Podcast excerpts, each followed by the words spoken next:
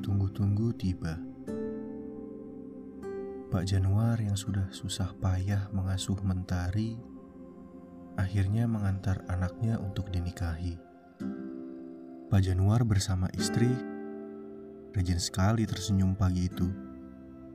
Menyapa tetangga dan saudara yang turut berbahagia. Namun sesekali saat tak ada mata yang memandang, mereka hanya terdiam. Pak Januar orang yang cukup tenang. Perilakunya juga tidak ada yang aneh. Pagi kerja di ladang.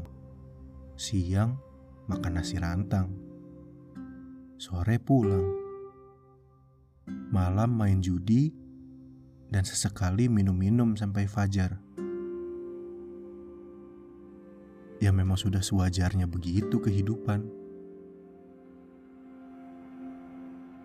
Pak Januar sesekali kecolongan. Beberapa orang menangkap lamunannya. Tatapan setengah kosong nampak seperti orang tolol. Semua tamu yang datang tahu ini bukan pernikahan yang diimpikan oleh Mentari.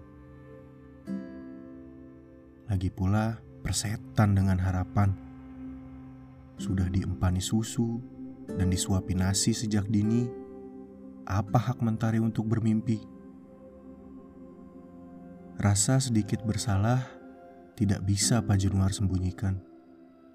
Sebelum akhirnya hal paling penting muncul di pikiran. Buat apa merasa sedih? Itu sudah tugas Mentari. Menjadi anak yang nurut dan berbakti. Mentari yang masih duduk di bangku sekolah menengah sudah berhasil melepas rantai keluarga Pak Januar.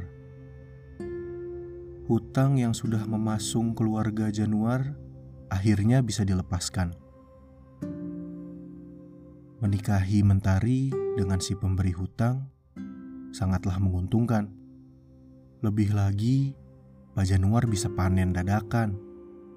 Hutang lunas dapat uang kontan. Sebidang sawah juga ia dapatkan.